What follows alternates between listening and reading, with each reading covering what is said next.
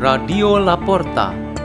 The door is open for you for the growing of knowledge and wisdom of God. Delivered by Hadi Bitanto from the Church of St. John Bosco, Archdiocese of Jakarta, Indonesia.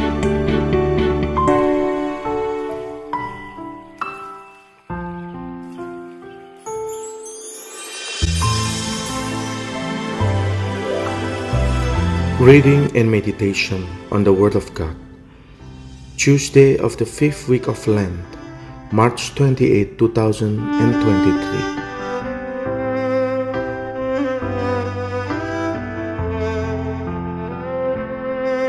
The reading is taken from the book of Numbers, chapter 21, verses 4 to 9.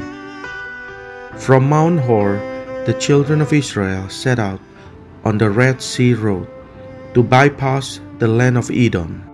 But with their patience worn out by the journey, the people complained against God and Moses. Why have you brought us up from Egypt to die in this desert where there is no food or water? We are disgusted with this wretched food. In punishment, the Lord sent among the people saraph serpents which bit the people so that many of them died. Then the people came to Moses and said, We have sinned in complaining against the Lord and you. Pray the Lord to take the serpents away from us.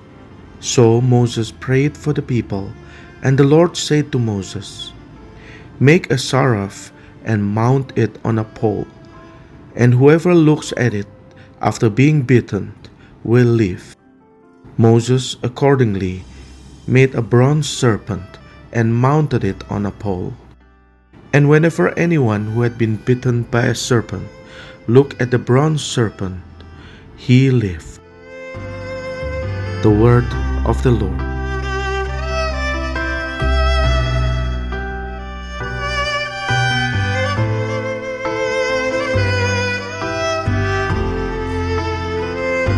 Our meditation today has the theme the Cross of Glory. The crossbar, or commonly called the cross, before becoming the crucifix of Jesus, was a sign of extraordinary humiliation. The human person condemned on the cross was the most useless criminal. But when it began with Jesus Christ being severely punished until his death on the cross, the meaning of the cross changes. For followers of Christ, the cross is a sign of glory. In addition, in their spiritual understanding, the cross is a sign of death to sin, evil, and weakness. The cross as a pillar of glory for Jesus Christ has the meaning of salvation. In the days of Moses and the Israelites wandering in the wilderness, the cross was unknown to them. The crossbar or wood of the cross only became popular when the Roman colonists made it a means to punish great criminals.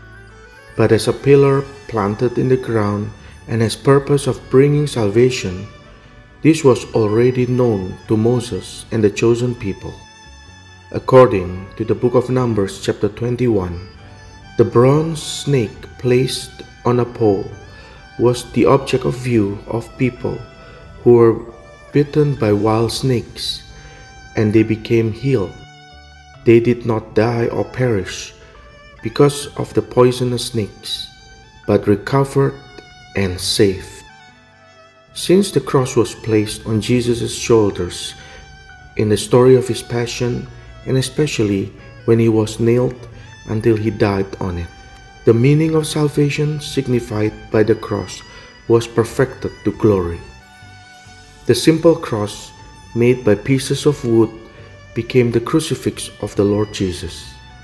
Salvation is a moment of liberation from the torments of pain, suffering, and death. From salvation, a person is raised to a high place where Jesus Christ is with the Father and the Holy Spirit. On that crucifix, the body of Jesus is dead, and hung mercilessly on it. But his spirit is alive and gloriously united with the Father. As he himself says in the Gospel today When you have raised up the Son of Man, then you will know that I am He. We are heading for the agony of Jesus Christ, beginning from the Garden of Gethsemane to the Golgotha Hill. This reminds us of the experiences of each of us or many people around us. Jesus suffered terribly with the fact that he died on the cross, which reminds us of the severity and cruelty of sufferings that we also might have experienced. Our spirits and souls do not have to be bound by a body that is nailed on the cross of suffering. Our bodies will eventually die and destroyed, but our spirits and souls will come to a new life by achieving salvation and embracing glory.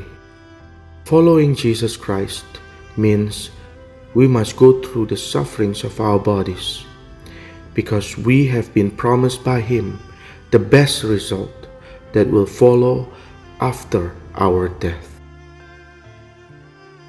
Let us pray. In the name of the Father, and of the Son, and of the Holy Spirit. Amen.